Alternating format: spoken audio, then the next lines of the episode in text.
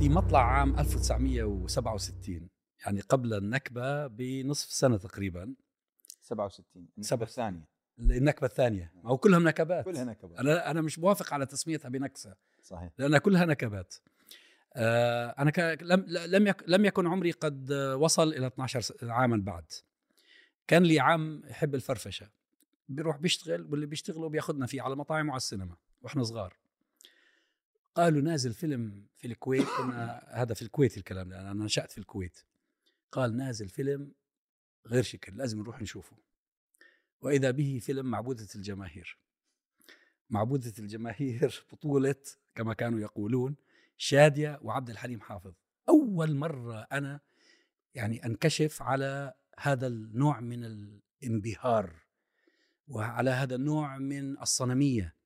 أنا لما رجعت حتى البيت بقول لأمي وإحنا بيئتنا يعني متدينة خفيف مش متدينة قوي لأنه عائلة ناصرية. محافظة يعني. إيه، مح- محافظة شوية بس مش كثير مش زي الأيام هذه. الستينيات هذه مخيفة يعني جيل الستينيات.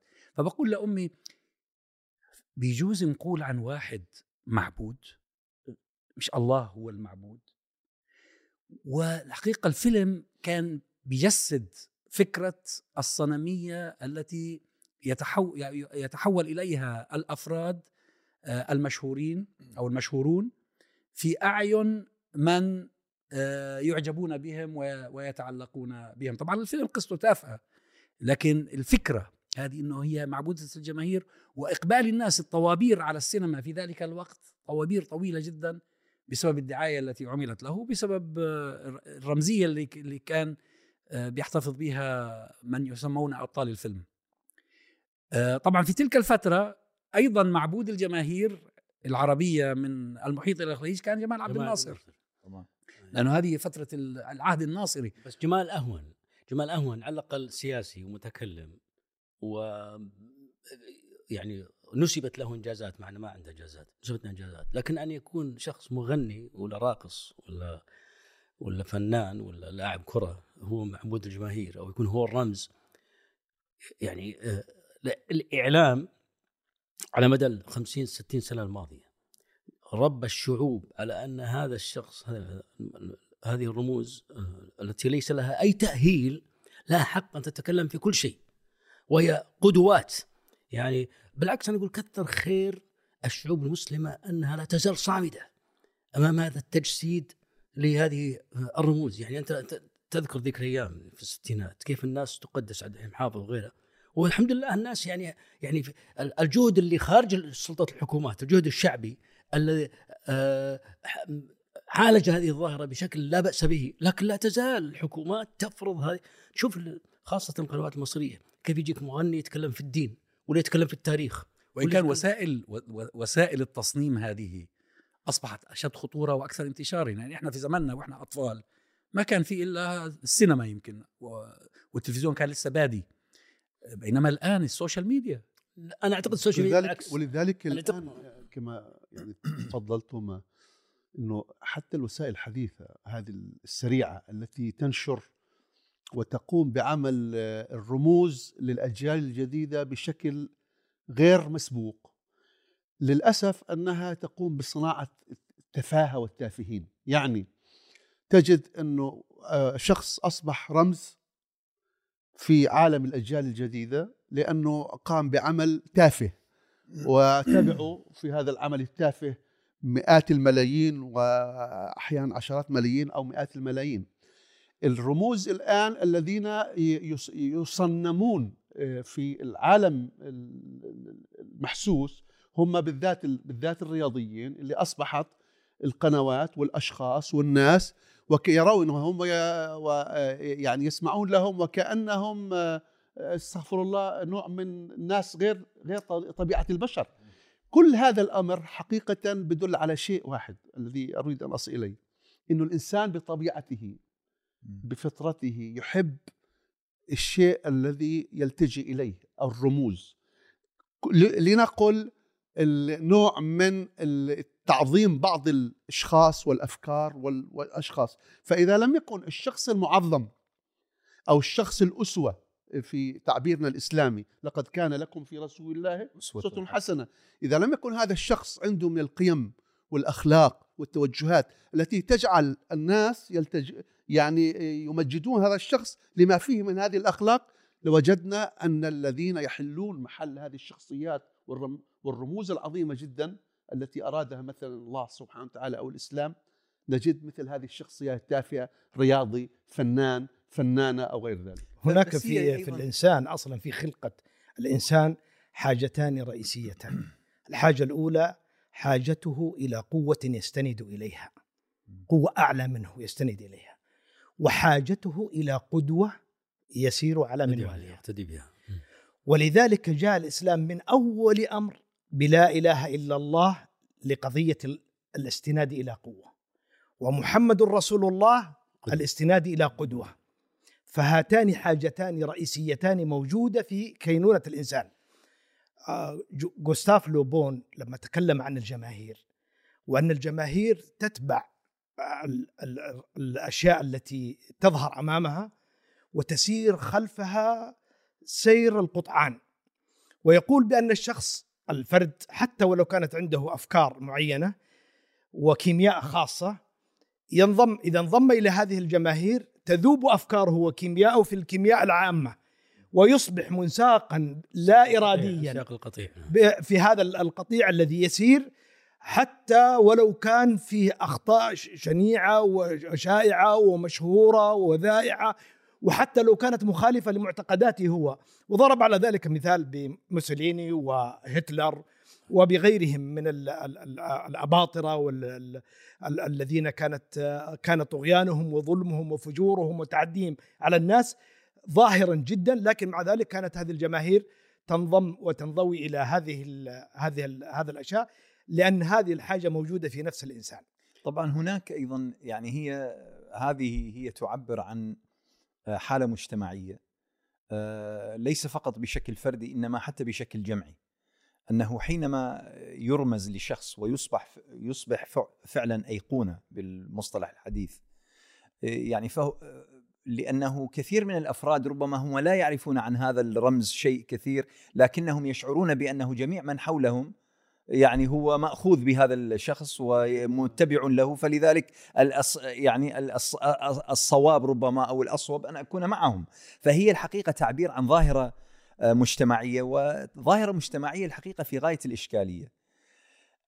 المجتمعات خلينا نسميها بالعموم المنتصرة والمتفوقة يعني عادة رموزها تكون غير شكل عن المجتمعات المنهزمة والمنهارة. المجتمع المنهار والمنهزم يبحث عن أي شيء يشعر بأنه هو فائز، يعني مثلا إحنا في بلادنا العربية يقول لك من أكثر الجدليات التي تحدث بين الشباب وبين الأسر أنت تشجع برشلونة لو تشجع ريال؟ هذه يعني وأنا أحيانا على سبيل المزاح لما أعرف نفسي مثلا بشخص أول مرة أتعرف عليه يقول لي أنت تشجع منه؟ برشلونة والريال السؤال هو ما علاقة برشلونة والريال مدريد مثلا بالسعودية ولا بالإمارات ولا بالمجتمع العراقي ولا بالكذا. لكن هي نزعة إلى أنه أنا ترى أنا في فريق متفوق. أنا في جمع آه، يفوز ينتصر يحقق الانتصارات ويرفع وأشعر بأنه أنا لي نصيب من هذا. هذا الحقيقة هو شعور المنهزم. بس ترى حتى المجتمعات المنتصره تقدس التافهين يعني. لكن عندهم عندهم حل يفرقون بين تمام. المغني يعني الذين يجتمعون لمغني ولا تجمع راقص عددهم ها أكبر بكثير يجتمعون لأجل صحيح. إنسان عالم ولا مفكر ولا حتى سياسي. صحيح. لا هم يفرقون. يعني تعال ارقص كما تريد لكن وقت الجد جد والمسؤولية مسؤولية. إحنا عندنا لا التوافه. هي القدوة المطلقة. هي والانشغال بهم هو انشغال كامل. أما الإنجاز والعلمية لكن عندي تحفظ بسيط على شوف لما أخذت ترميز في التاريخ الحديث الترميز أخذ خطوات ببدايه في الجرائد والمجلات والسينما ثم انتقل إلى الإذاعة والتلفزيون صارت قوه أكثر والإذاعة والتلفزيون ما يحتكرها الحكومات ما تستطيع الشخص العادي يقدم يرمز شخص. ثم انتقلت إلى الفضائيات الفضائيات كذلك تحتكرها الحكومات يعني ما صارت الفضائيات رخيصة إلا في إلا حديثا. أه، فالاحتكار احتكار السلط التي تعلمن وتفسد وتخرب الناس كانت ناجحة في في أن تبرز هؤلاء التوافه خاصة مع الأسف في مصر يعني. أعتقد آه، أن أن ال social media خففت هذه الظاهرة لأنها أوجدت يعني شيء من التساوي في الفرص. صحيح إن الدول عندها هي كسرت الاحتكار. كسرت الاحتكار. صحيح إن الدول عندها ذباب إلكتروني صحيح ان عندها قدرة إنها تلعب بال social media لكن لا تزال فرصة لل- للنشطاء في ال social media ابو عثمان هي ولذلك لا. أكمل الفكرة بس. ولذلك الآن بدأ صار في ترميز لشخصيات لا تريد الحكومات أن ترمز يعني في شخصيات الآن في المغرب في الكويت في آه، الخليج في ظواهر لا تريد الحكومات أن ان ان ان, أن تخدم رغم انف الحكومات قاعد تحصل الآن في يعني في مشايخ أنا ما أعرفهم في المغرب ما كنت أعرفهم في في الح- في, في الجزائر. شخصيات شخصيات من كثير متكلمين من النشطاء اليوتيوبرز في ليبيا. ما حد يعرفهم. لكنهم منتجين ومبدعين صار لهم يعني شعبيات أصبحت هي أصبح هذا أصبح عبارة عن سوق.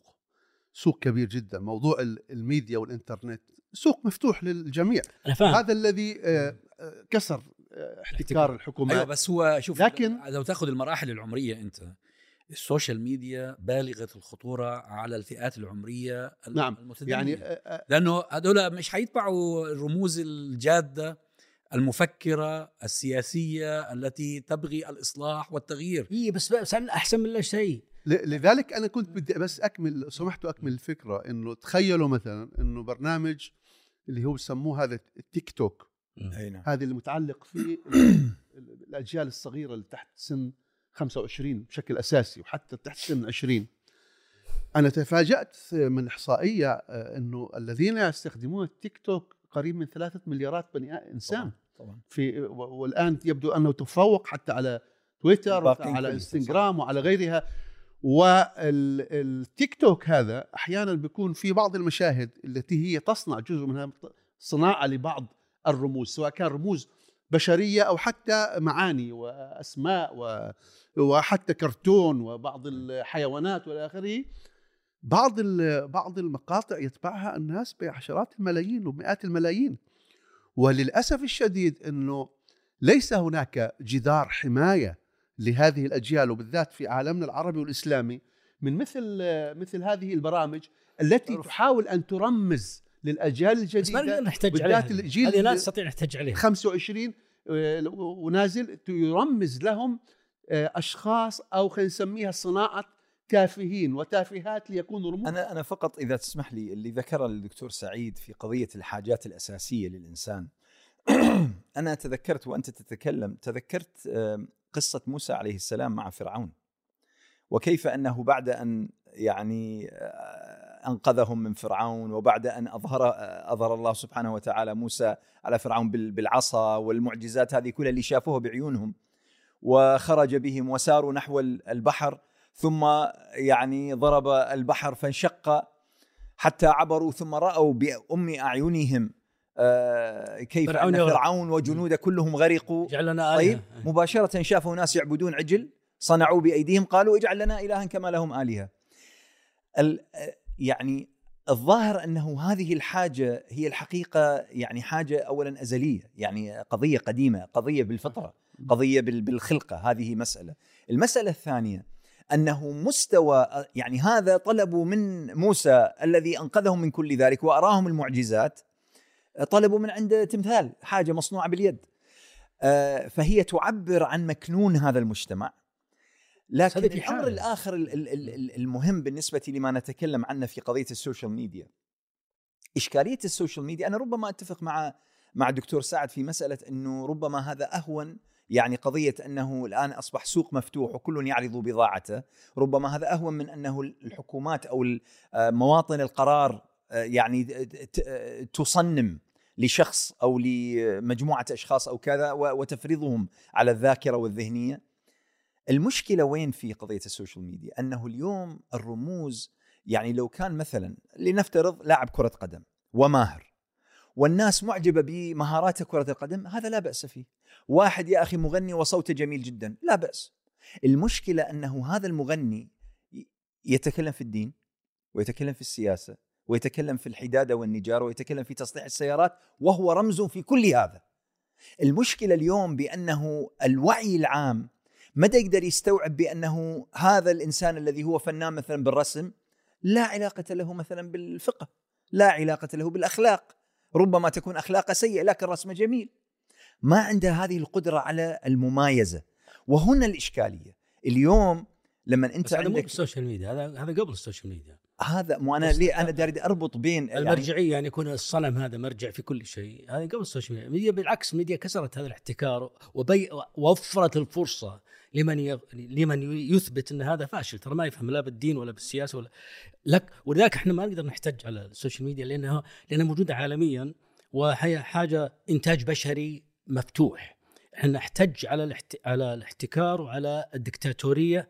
ونحاربها لكن هي تتعرض الآن كلامك صحيح أنا معك 100% مم. إنه هي كسرت الاحتكار لكن في الدول ال- المستبدة السوشيال ميديا الآن تتعرض لرقابة آه، صارمة. صارمة مثلها مثل طبعاً. وسائل الإعلام التقليدية يعني مثلا إحنا إحنا عايشين مثلا هنا في بريطانيا أو الذين يعيشون في في بلدان هامش الحرية فيها متسع تستفيد أنت من السوشيال ميديا لكن عندكم أنتم في ال- في المملكة ما تقدر تشارك لكن تقدر آلاف تستفيد. الناس سجنوا بسبب تغريدة. ما تقدر تشارك لكن تقدر تستفيد. في شيء يا اخوان وهو قضية عند السياسيين وبالذات في الدول المتخلفة وهو صناعة التفاهة وصناعة الإلهاء. صحيح. لأنهم يرون أن التفاهة كلما اتسعت والإلهاء كلما اتسع كل ما انشغل كلما الناس. تمكنوا هم من رقاب الناس ومن أموال الناس ومن قدرات الناس. ونحن نضرب مثال الآن عندنا في في المملكة رونالدو هذا جيء به بالأموال الطائلة بالثواني يعني بالثواني يأخذ. وأعطي قصر وخمس سيارات وحراسة كاملة و وهو رجل كبر في السن أيضا وحتى الأندية أصبحت تزهد فيه. وفي سن الاعتزال الآن. أي نعم. لكن المراد هو أن هناك مخطط لصناعة التفاهة وصناعة الإلهاء. حتى تتجه الجماهير ويتجه الناس بدلا من أن يتجهوا إلى قدوات ناضجة ومفكرة ومبدعة ومصلحة تتجه إلى هذا الاتجاه وهذا أمر معروف موجود عند الحكومات ال- ال- الباغية والمستبدة والظالمة والمتخلفة. يعني هو عفوا إحنا لا نتحدث عن ضرورة إنه يصير في تقييد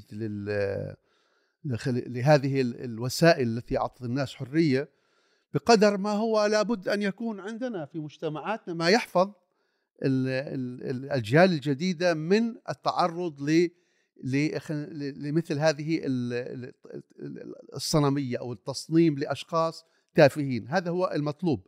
لذلك أنا أعتقد إنه البيئة مهمة جدا ال- ال- التي ابتداء هي التي تفرز الرمز وتصنع الرمز. هذه البيئة البيئة العربية الإسلامية الآن مستباحة. هذا هو المقصود مستباحة. يعني حتى في ال- في الدول الغربية ي- موجود قوانين. موجود بعض القوانين صحيح آه، فيها هامش كبير جدا لكن قوانين الداتا ومتى تستخدم للأطفال والى آخره. صحيح. إحنا في عندنا في العالم من العرب والإسلامي آه، فوضى. آه، ما في. لا موجودة عالم مستباح. موجودة قوانين على العكس لا أيوه. مستباح. التفاهم. هم اوجدوا ولذلك- قوانين لضبط لضبط ال- الإصلاح بالضبط. والتضييق عليه وضبط الناس الذين يمكن أن يؤثروا ايجابيا في المجتمع. هذه القوانين موجودة القوانين. موجودة على الجانب الإيجابي. أيوه لأنه في ال- أما الجانب السلبي فهو مسموح له أن تماماً. يفتح أن يعمل كل شيء يفسد الأجيال ويجعلها تتعلق بأوهام وبتافهين. شوف في الدول الديمقراطية عفوا في الدول الديمقراطية الذي يشرع هو برلمان منتخب. وهذا يمثل الناس هذا صح. فهو يجتهد أو ي- أو يشرع فيما يظن أن فيه مصلحة عامة للناس. أما في الدول المستبدة فالأجهزة الأمنية هي التي تقرر.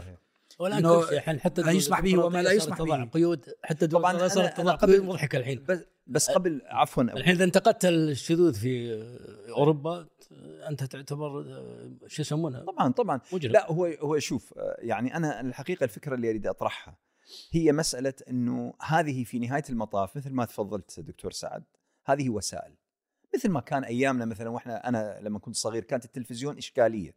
تستخدم ما تستخدمه كيف تستخدمه حتى كان البعض يحرم وقتها. يعني من العلماء الأفاضل كانوا يحرمون. آه هذه وسيلة في نهاية المطاف. إحنا اليوم في زمن بس هذه الوسيلة التلفزيون. التلفزيون ملك الدولة. هذا مو ملك الدولة. تمام يعني نحن يجب تمام, ان لا نعترض ولا نحتج على السوشيال ميديا ابدا. تمام. لأن السوشيال ميديا إذا احتجنا عليها معناها اعترفنا بهزيمه أنا الذي الآن نحن مسلمون مع الأسف الشديد الجماعة الإسلامية والنشطاء الإسلاميين دورهم في استثمار استثمار السوشيال ميديا مع أنهم عندهم فرصة اللي ما يقدر يشتغل في السعودية موجود في بريطانيا موجود في ألمانيا موجود في أمريكا بإمكانه أن يعوض عن أخيه. الذي هناك هي هل. هي ما هل هي هذه بأيدينا؟ يعني أنت الآن لن تكون بيدك. أقول لك شيء ال- المحتوى محتوى السوشيال ميديا خذ على مثال على سبيل المثال فيسبوك كم تستطيع أن تعبر في موضوع المحتوى مثلا الفلسطيني في موضوع الفيسبوك في غيرها في آه، غيرها تقدر تعبر ف ي- يكون هناك نوع من التضييق ونوع من إغلاق الصفحات في غيرها. الوقوف عندك السؤال الذي عندك تويتر، أن عندك- عندك- السؤال الذي أريد أن أطرحه. قضية السوشيال ميديا الآن أنا ما أريد أجي أحكمها أو أحكم حتى أدائنا فيه لأنه أنا لي رأي في الموضوع لكنه رأي انطباعي. الأمر هو المجتمع نفسه هذا الوعي الجمعي في التعامل مع السوشيال ميديا. القصد إحنا اليوم يعني نتكلم مثلا في قضية كيف تصنع الرموز والأصنام من حاشاكم جميعا وحاشا السامعين التافهين. السؤال هل العلاج يكون بصناعة الرموز وبين قوسين الأصنام من الأفاضل؟ يعني هل نحن أيضا معنيون كإصلاحيين أنه تكون رموز إصلاحية أيضا تحتل نفس المواقع اللي مثلا يحتلها أمثال رونالدو ولا كارد كارداشيان ولا مدري منه من هذول الرموز الغربية. وهذا شيء طبيعي. السؤال إحنا في عملية التوعية في عملية التوعية إحنا بالنسبة لنا منهجنا هو غي- غير هذا المنهج تماما. أخي الدكتور هو شيء طبيعي جدا. الإنسان الذي لا يجد شخصا يتعلق به ويصبح له أسوة. لقد كان لكم في رسول الله أسوة حسنة. إذا لم تجد ذلك الشخص أو الأشخاص الذين هم نماذج وقدوات حسنة بشكل طبيعي الإنسان سيذهب ما هو يتعلق أنا- بنماذج سيئة. ولذلك أنا إحنا مهمتنا كأناس يفترض إنه نحصل مجتمعاتنا إنه نبرز ال ال القدوات انت سميتها تصميم أنا ما بسميها تصميم إنما هو إيه، بس وضع الواقع أبو أنس الواقع اللي داخل بهالموضوع هذا الواقع اللي يسير الواقع الذي نراه حقيقة هو بأنه حتى ضمن الحياة أنا اللي خايف إحنا بدنا ننقل مكنونات آه، أنفسنا إلى هذه الوسيلة. فالآن أنت لما تنظر إلى المصلحين والدعاة والعلماء على السوشيال ميديا أنت ترى أنه أيضا كل واحد له أتباع. والأتباع سيدافعون عن هذا يعني أيوه هي هاي النقطة. هو الحقيقة التمييز بين أمرين. بين القدوة التي والتي ينبغي أن تكون قدوة حسنة وبين تحويل القدوة إلى صنم. هذا هو. لأن قوم هذا هو. نوح وقعوا في ذلك. هذا هو. صح ولا لا؟ نعم. يقال أن الذين ع... إن الذين عبدهم قوم نوح كانوا من الصالحين. لكنهم لم لم لم يكتفوا باتخاذهم آه، قدوات هم بالغوا في ذلك فحولوهم إلى لا في أصنام نقطة أخرى بعد قريبة من هذه أنه حتى هؤلاء القدوة الأفاضل من هو الذي يستحق أن يلتف حوله جميل. حقيقة جميل عندهم من الرموز ما يستحق أن يلتف حوله جميل. ومن يجب أن تضع علامة استفهام لأن في ناس أخذوا أخذوا قلوب الناس لما جت المحن تبين أنهم تافهين تبين أنهم مهزومون صحيح. يعني هي. نوع من الفتن يعني- تبين الناس وتبين من الذي يصمد في هذه ويص بالفعل يكون ثابتا وحقيقي ما يقوله. وبين الذين يعني غير قضية هناك الر- تفريق رئيسي ومهم في هذه القضية. من هو الرمز الموثوق الذي آه، ي- يتبع ويقتدى به؟ ومن هو الرمز غير الموثوق. يعني غير الموثوق هذا يدخل فيه ال- الضعيف والمنهزم والتافه وال إلى غير ذلك. تقلب نعم. فالرمز الموثوق عندنا في إسلامنا حدود له وعندنا يعني مواصفات له تمنع أصلا تلقائيا من أن يتحول إلى طاغوت أو يتحول إلى صنم. لذلك الله سبحانه وتعالى ذكر في القرآن من الرموز غير الموثوقة وجعلنا منهم أئمة يهدون إلى النار، هؤلاء أئمة. أئمة لكنهم رموز لكنهم يهدون إلى النار، وقال النبي صلى الله عليه وسلم في حديث حذيفة دعاة على أبواب جهنم. من أطاعهم قذفوه فيها. هؤلاء رموز أيضا. يتكلمون بألسنتنا. قال نعم يتكلمون بألسنتنا ويعني يعيشون بين ظهرانينا من بني جلدتنا. وهم دعاة على أبواب جهنم. هؤلاء رموز فيجب أن نعرف الفرق بين الرمز الموثوق وفق المعايير الشرعية التي وضعها الله سبحانه وتعالى في القرآن ورسمها النبي صلى الله عليه وسلم في سيرته وفي سنته. والرموز غير الموثوقة وغير الموثوقة هذا تحته قائمة طويلة كما ذكرت قبل قليل من السياسيين الفاشلين والمستبدين ومن اللاعبين واللاهين ومن التافهين دكتور ومن سعيد كيف. يمكن الانتقال من قضية العناية بالفرد وهي حالة طبيعية إلى العناية بالفكرة بمعنى أنه يعرف الحق يعرف الرجال بالحق ولا يعرف الحق بالرجال نعم. كيف يمكن أنه نصنع حالة من الوعي بحيث أنه حتى لو كنت أنا محبا لشيخ معين أو عالم معين أو داعية أو مصلح أو أو ايا كان لكن في حال أنه أخطأ فأنا أقيسه وفق الحق وليست على, على الشخص نفسه. يحتاج إلى نضج هذه. هذه هذه القضية شوف بالنسبة لأهل السنة عندهم أصول فيها مركزة وقوية وواضحة بخلاف الشيعة على سبيل المثال. الشيعة عندهم الرمز مرجعية مطلقة. صحيح. ولا ولا يناقش لا ولا يناقش يسأل. ولا يرد على قوله بل بعضهم يصل إلى درجة أن يصبح القول والمذهب الذي ذهب إليه في درجة العصمة. تمام. أما في من أما في مذهب أهل السنة والجماعة فهذا الأمر مرفوض تماما إلا النبي صلى الله عليه وسلم. فقط. حتى الصحابة الكرام رضي الله تعالى عنهم على جلالتهم وقدرهم ومنزلتهم نسميه مذهب الصحابي. مذهب الصحابي. في هذه المسألة كذا وكذا. وهم أولى بالاتباع من غيرهم. لكن مذهب الصحابة أيضا ليس على إطلاقه فإذا خلفه غيره من الصحابة فإننا ننظر ونرجح بين هذا القول و... وال- والقول الآخر. ولذلك الأمة الوحيدة الأمة الوحيدة اللي عندها علم جرح والتعديل. أي نعم. هي أمتنا.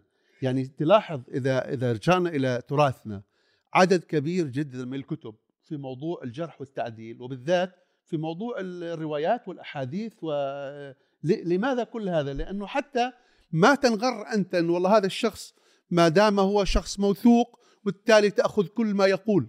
صحيح. سواء كان في طبعا هناك الجرح والتعديل في بالذات في روايات الأحاديث لكن الجرح والتعديل أصبح علم هو آه، يعني آه، كأنه علم آه، خاص هو هو في الحديث هو في. الحديث هو في الحديث نعم. هو في الحديث في هو الرواية. في الحديث. بس أصبحوا كأنه جزء من عنوان الأمة. مظلة أنت- عامة يعني. الناس الآن كل الناس يؤخذ من كلامه ويرد إلا صاحب هذا القبر وهو قول والسلام. مالك رضي الله عنه وبالتالي نحن عندما حتى نتخذ قدوات آه، طبعا الرسول صلى الله عليه وسلم هو مطلقة، الحسنة مطلقة. هو فوق ال- أي أي نقد لأنه لا ينطق عن الهوى لكن ما بعد الرسول صلى الله عليه وسلم حتى كبار الصحابة حتى المبشرين بالجنة بالنسبة لنا في ولذلك وظيفة المفتي ولا أو لا تقبل. وظيفة المفتي ترى بدعة. وظيفة مفتي أو هيئة كبار علماء أو مؤسسة دينية تحتكر العلم ترى بدعة ما عندها